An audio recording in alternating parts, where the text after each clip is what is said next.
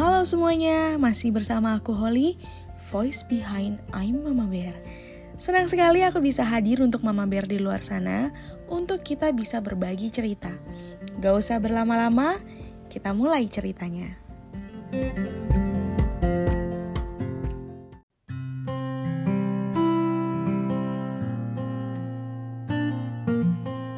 Halo Mama Bear, apa kabarnya? Aduh ini aku tuh record lagi setelah kemarin kalau nggak salah aku last update di episode sebelumnya itu um, lebaran ya atau setelah lebaran dan and now udah Agustus. Wow dan ppkm yang masih terus berlanjut. Nggak tahu kapan selesai ini ppkm tapi hopefully mama bear di luar sana harus sehat-sehat harus strong, harus tetap waras ya, biar bisa menjaga keharmonisan di rumah. Oke, okay, um, aku tuh sempat terlambat banget nih update episodenya karena memang seharusnya kalau dari dari timelinenya itu um, episode-episode setelah aku sharing um, baby blues dan postpartum aku mau ngadain narasumber supaya um, di sini di podcast Mama Bear ini bisa jadi sarana buat para ibu-ibu di luar sana yang mungkin juga baru mau jadi ibu ataupun lagi uh, belajar-belajar itu bisa belajar juga atau dapat sharing, dapat um, apa ya informasi dari beberapa ibu-ibu yang sudah berpengalaman. Ya pengalaman ibu-ibu kan masing-masing beda-beda ya, apalagi cara parentingnya atau cara dia uh, mengatasi atau apa ya um, mengalami masa-masa kehamilannya lah itu kan beda-beda treatnya seperti apa nah di sini kita sharing nih siapa tahu uh, bisa ada yang berguna nih bisa dikombain bisa jadi suatu um, apa ya suatu cara baru lah buat mungkin ada ibu baru di luar sana yang sudah merangkumnya. Oke, okay, karena aku belum dapat narasumbernya, dikarenakan mereka masih pada malu-malu untuk sharing, so kali ini aku mau sharing tentang sesuatu yang penting yaitu PCOS, Polycystic Syndrome. Polycystic, sorry, Polycystic Ovarian Ovarian Syndrome. Susah ya, mohon maaf, libet ini memang masih belum banyak yang tahu soal si PCOS ini, tapi masih banyak juga yang nggak tahu kalau banyak juga penderitanya gitu. Ini sih intinya suatu penyakit atau suatu sindrom yang um, menjadikan wanita tidak subur. Seperti apa sih? Nah, berhubung juga ini aku salah satu penderita PCOS, so aku mau sharing ini ke teman-teman karena ini ada cerita lucu nih di balik uh, si PCOS ini. Aku nanti nanti aku sharing. Oke, okay, sebelum kita lanjut ke cerita lucu itu, aku mau sharing tentang um, apa sih PCOS itu yang sebenarnya itu kayak gimana. Alright, jadi, tadi aku udah kasih tahu PCOS itu Polycystic Ovarian Syndrome atau Polycystic Ovarium. Um, ini merupakan gangguan hormon yang terjadi pada wanita di usia subur. Nah, penderita PCOS itu biasanya mengalami gangguan menstruasi itu udah pasti dan memiliki kadar hormon maskulin atau yang disebut hormon androgen yang di mana berlebihan. Nah, hormon androgen itu kayak gimana sih? Hormon maskulin itu kayak gimana sih? Ya so um, jadi untuk para penderita PCOS ini salah satunya yang bisa kita lihat adalah atau kita bisa memerhatikan diri kita sendiri adalah selain dari uh, menstruasi tadi yang tidak teratur itu biasanya tumbuh bulu-bulu halus. Uh halus Seperti laki-laki pada umumnya, misalkan tiba-tiba ada eh, bulu-bulu uh, halus di area kumis, uh, ya, terus atau di bawah di bawah bibir, di area dagu atau seperti jenggot, atau bahkan di tubuh, di punggung, di lengan, pokoknya itu si wanita itu hampir hampir ya hampir menyerupai laki-laki memiliki um, pertumbuhan bulu yang lebih banyak.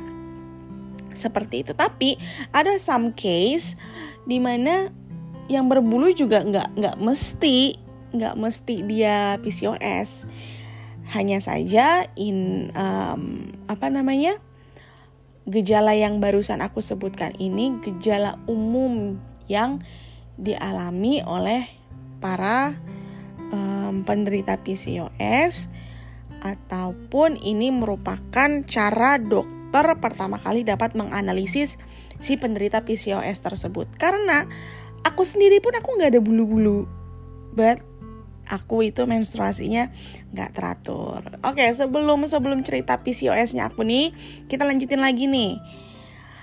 Oke, hormon androgen yang berlebih pada penderita PCOS ini dapat mengakibatkan ovarium atau indung telur memproduksi banyak kantong-kantong berisi cairan. Akibatnya, sel telur tidak berkembang sempurna dan gagal dilepaskan secara teratur.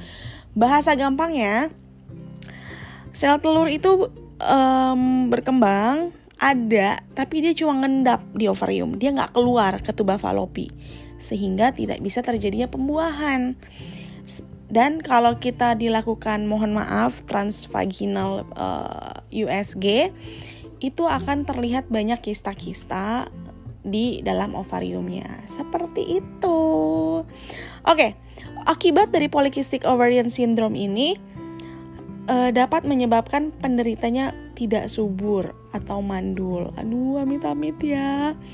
Serta lebih rentan terkena diabetes dan tekanan darah tinggi. Jadi ya memang banyak penderita PCOS sekarang yang masih sedang berjuang untuk bisa menembus fase dua garis merah. Bukan dua garis biru ya. Dua garis biru itu sebenarnya um, ungkapan yang lumrah aja tapi sebenarnya faktanya itu dua garis merah karena kalau kita lihat di test pack itu warnanya merah garisnya bukan biru. Oke. Okay. um, ini bisa diobati bisa.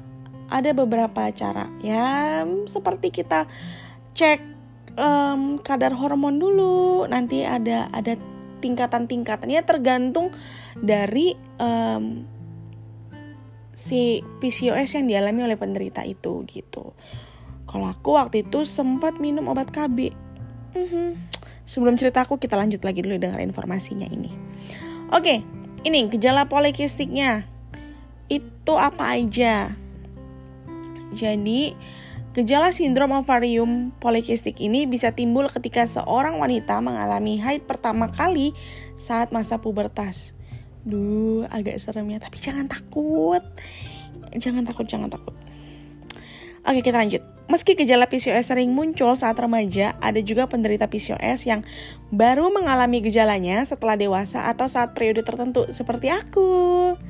Nah, misalnya ketika kita mengalami kenaikan berat badan secara signifikan, itu juga salah satu um, gejala atau apa ya?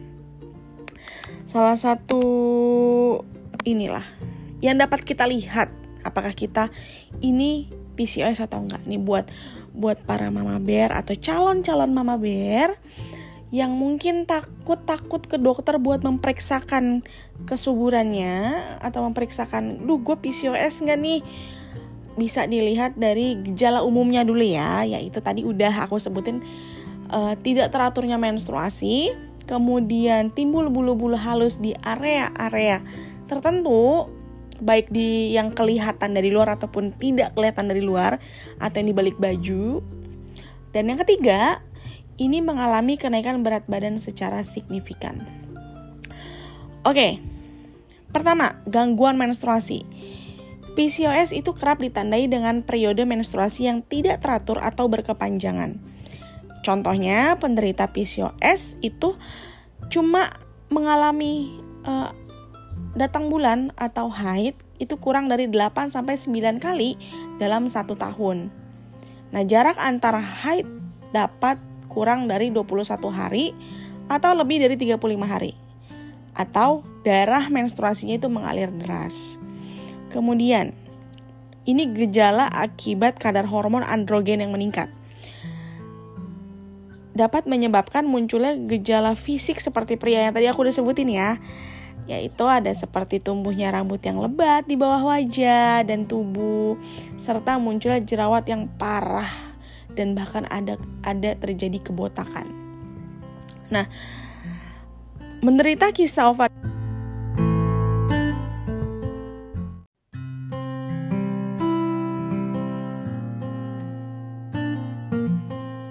ovar yang banyak itu ditemukannya kantong-kantong kista di sekitar sel telur tadi yang udah aku sharing ya.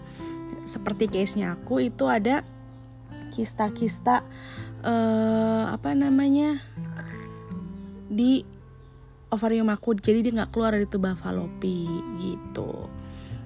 Um, kista-kista itu kayak apa sih? Jadi tuh kamu kayak ngelihat kristal-kristal gitu loh kristal-kristal gitu loh kayak gimana Jadi ini karena memang kalau uh, eh, USG transvaginal itu 2D, dua dimensi, um, ya dia hitam putih aja sih, cuman dia kayak ada bundaran-bundaran gitu loh.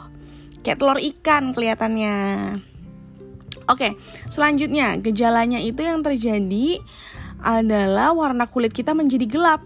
Nah, beberapa bagian tubuh penderita PCOS bisa menjadi gelap warna kulitnya, terutama di daerah lipatan, yaitu lipatan leher, selangkangan, dan bagian bawah payudara. Ini sih udah kayak eh, gejala-gejala obesitas juga ya.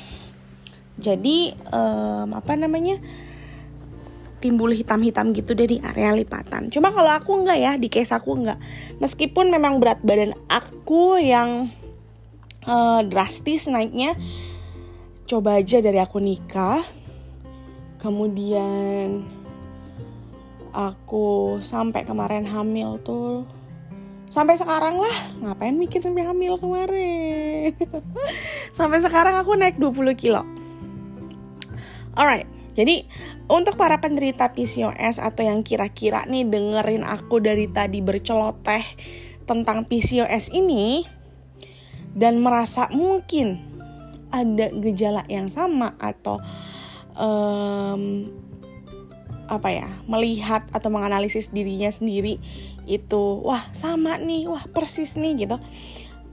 Kapan sih harus ke dokter? Kapan kita harus ke dokter? Jadi um, periksakan diri kita ke dokter jika muncul gejala PCOS seperti haid yang tidak teratur kemudian PCOS yang tidak ditangani bisa mengakibatkan penderitanya sulit untuk hamil atau mandul karena sel telur tidak dapat dilepaskan atau tidak adanya ovulasi. Kemudian penderita PCOS yang sedang hamil juga beresiko melahirkan bayi secara prematur, mengalami keguguran, menderita tekanan darah tinggi, dan mengalami diabetes gestasional.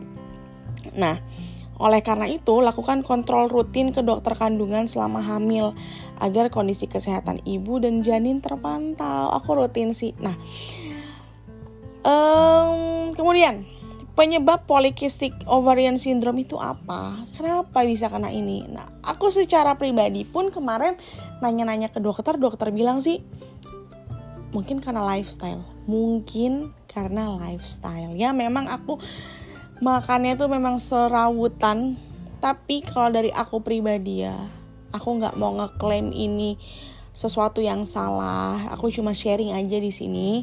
I mean sepertinya aku tuh terlalu banyak konsumsi obat diet.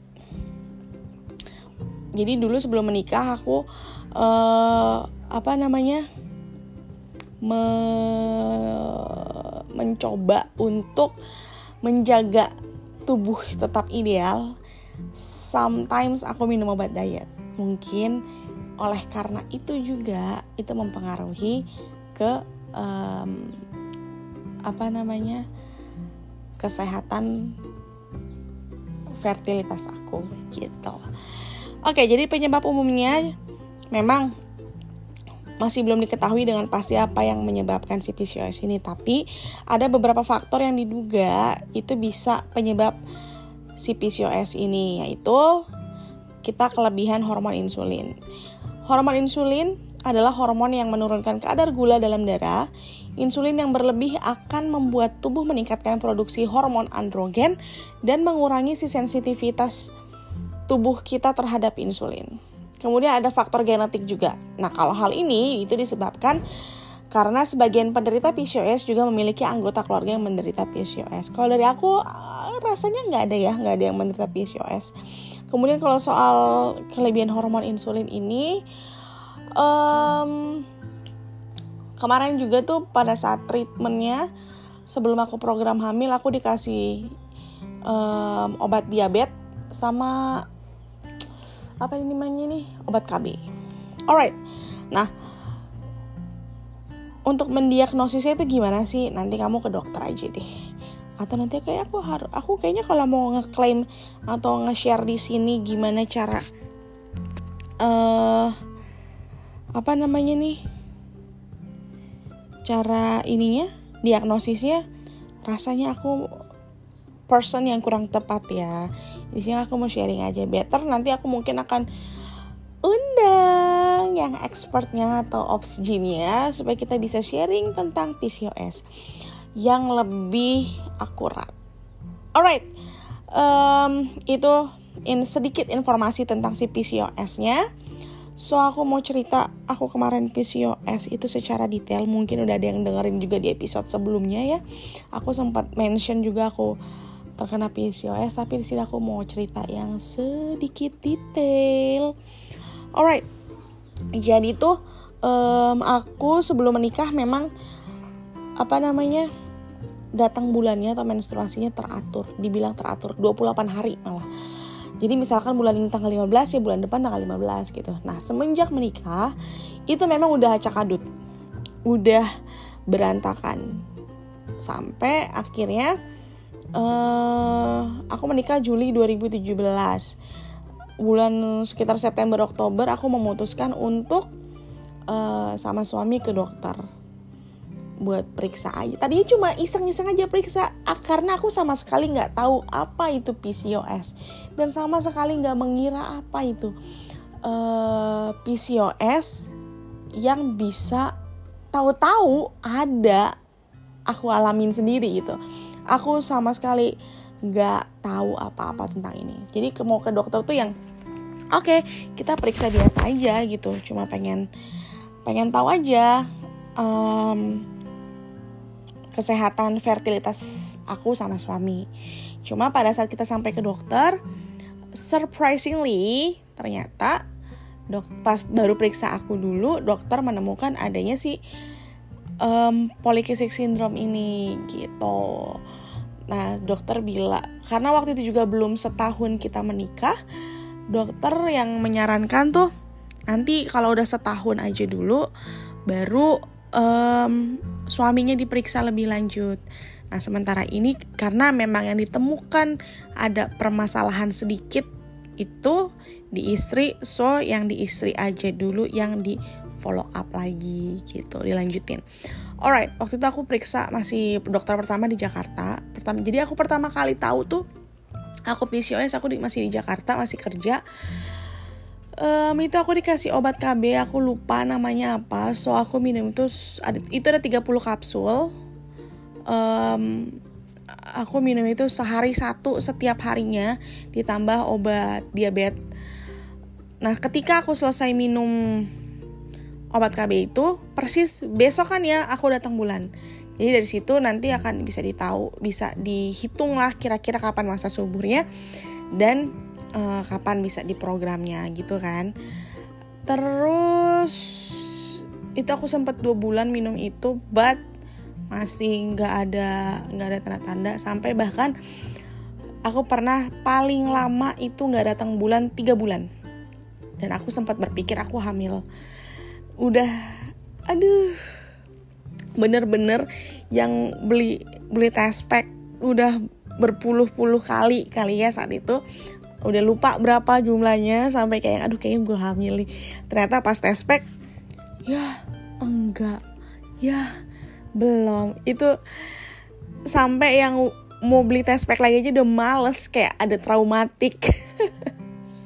Ya udah tuh habis itu um, pernah karena kan kalau ke dokter ke dokter oksigen itu like 500 ribu. Itu udah paling paling standar banget belum mama obat. Jadi itu waktu itu karena memang suamiku masih suka uh, nengok-nengokin aku dari Manado Jakarta Manado Jakarta.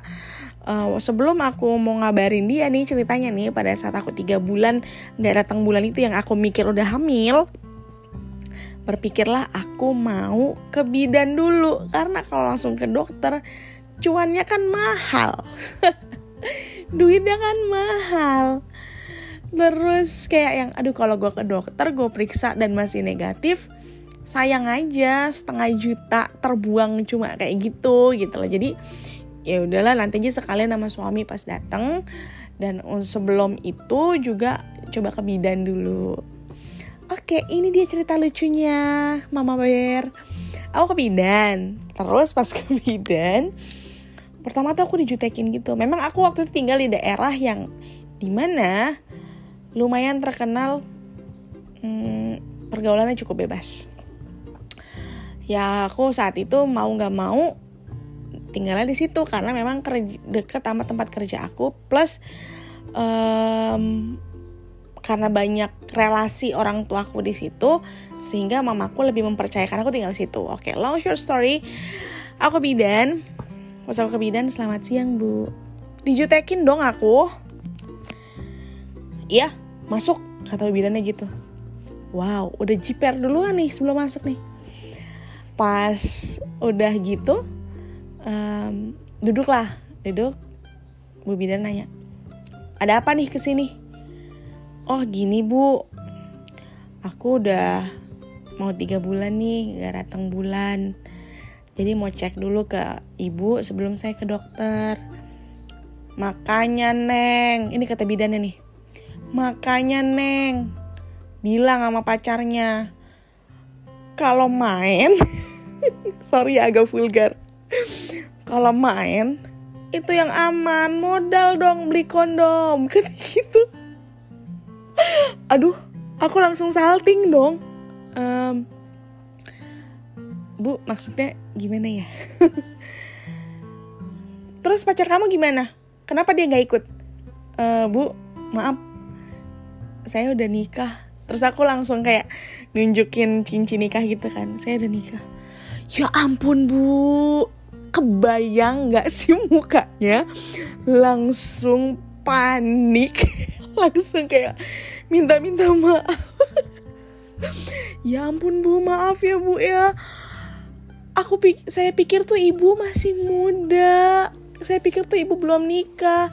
Makanya saya pikir gitu. Juga uh, soalnya kebanyakan tuh yang datang ke saya tuh anak-anak muda. Gitu. Ya udah tuh akhirnya udah bubu langsung tiduran ya dari periksa jadi aku dipikirnya adalah anak yang melakukan kenakalan remaja padahal aku udah nikah aku kalau inget itu kocak sih kocak banget Oke, okay, akhirnya aku diperiksa sama si bidan itu secara manual. Ditekanlah perutnya di bagian bawah, ternyata no, nggak ada. Ya sudah, di saat itulah kecewa muncul lagi gitu, ngedown muncul lagi dan untung kan kalau gue ke dokter nih setengah juta lewat bos. ya udah. Akhirnya aku ngabarin suami belum datang bulan tiga bulan dan tes pack negatif. Ke bidan pun katanya negatif yang tadinya mau bikin surprise kagak jadi. Malah cerita sesedihan. Udah habis itu akhirnya aku memutuskan untuk pulang ke Manado ikut sama suami. Oke aku pindah di sini ke dokter lagi lah aku. Ke dokter lagi. Pertama aku nemu dokter yang sangat sangat menurut aku ya menurut aku sebagai pasien dia nggak ramah. Dokter ini nggak ramah dan judes banget. Plus lagi dia tuh minim informasi. Oke okay, waktu itu aku ke, ke salah satu um, dokter kandungan di sini dia lumayan terkenal dan dia uh, kalau ke tempat praktek itu ngantrinya ah ampun nggak nyangka deh Oke, aku masuk ke akhirnya giliran antrian aku. Aku masuk ke ruang praktek dan diperiksa di transvaginal USG segala macam. Sampai si dokternya akhirnya pada saat habis uh, periksa aku dia bilang, "Oh, Bu, ini uh, tiga bulan ya kita obatin dulu pakai obat KB. Setelah itu baru kita uh, program program hamil. Oh oke okay, dok. Nah tiba suami aku ngomong gini dok tiga bulan ya emang nggak bisa lebih cepat. Tahu dokternya jawab apa? Dokternya bilang gini pak kalau mau cepat bayi tabung aja. Aduh kita berdua langsung lihat-lihatan udah stres akunya. Kan lebih akunya jadi kayak lebih di di apa ya? Aku ngerasa lebih tertekan gitu karena hah? Sampai segitunya kah? Aku harus bayi tabung kah? Ya kan? Um, ya memang aku sama suami terpaut jauh usianya. Cuma memang saat itu juga suami belum diperiksakan karena kita belum setahun menikah kita masih ngikutin anjuran dokter yang pertama yang di Jakarta tadi buat kalau udah setahun menikah belum ada anak, ya udah suami juga ikut diperiksa. Udah tuh dari situ suami pas pulang dari situ suamiku langsung uh, ngomong ini terakhir kali kita datang ke tempat praktek ini. So kita nggak datang lagi. Dan aku sempat nebus obat dari si dokter ini. Aku dikasih obat KB. Udah gitu, apesnya lagi nih. Aku memang gak ada riwayat uh, apa namanya alergi obat-obatan. Nggak ada. Nah pas minum obat KB yang dari dia ini aku alergi. Mohon maaf ya di podcast kali ini aku ngomong agak vulgar aku alergi itu gatel menimbulkan rasa gatal di misfit gatalnya di mana? Di dalam bu. Gimana garuknya? Nggak taunya pas pas aku ngecek lagi ke dokter si dari obat itu meng, efek sampingnya ke aku adalah menimbulkan jamur-jamur. Aduh mohon maaf ya aku juga nggak bermaksud menjelekkan dokter itu loh. Aku cuma sharing loh. Um, aku nggak cocok sama dokter itu gitu. Habis itu aku um, apa namanya? Udah berhentilah dari dia. Minum obatnya juga langsung berhenti. Pindah dokter aku. Sebulan aku program sama dokter itu minum asam folat setiap hari. Suami sama aku pun setiap hari satu kali minum uh, vitamin E. Ya puji Tuhan ya. Satu bulan pas kita program di kondisi yang aku pulang pergi ke tempat kerja dua jam pergi dua jam pulang satu bulan pas Tuhan mengkaruniai mengkaruniai aku anak.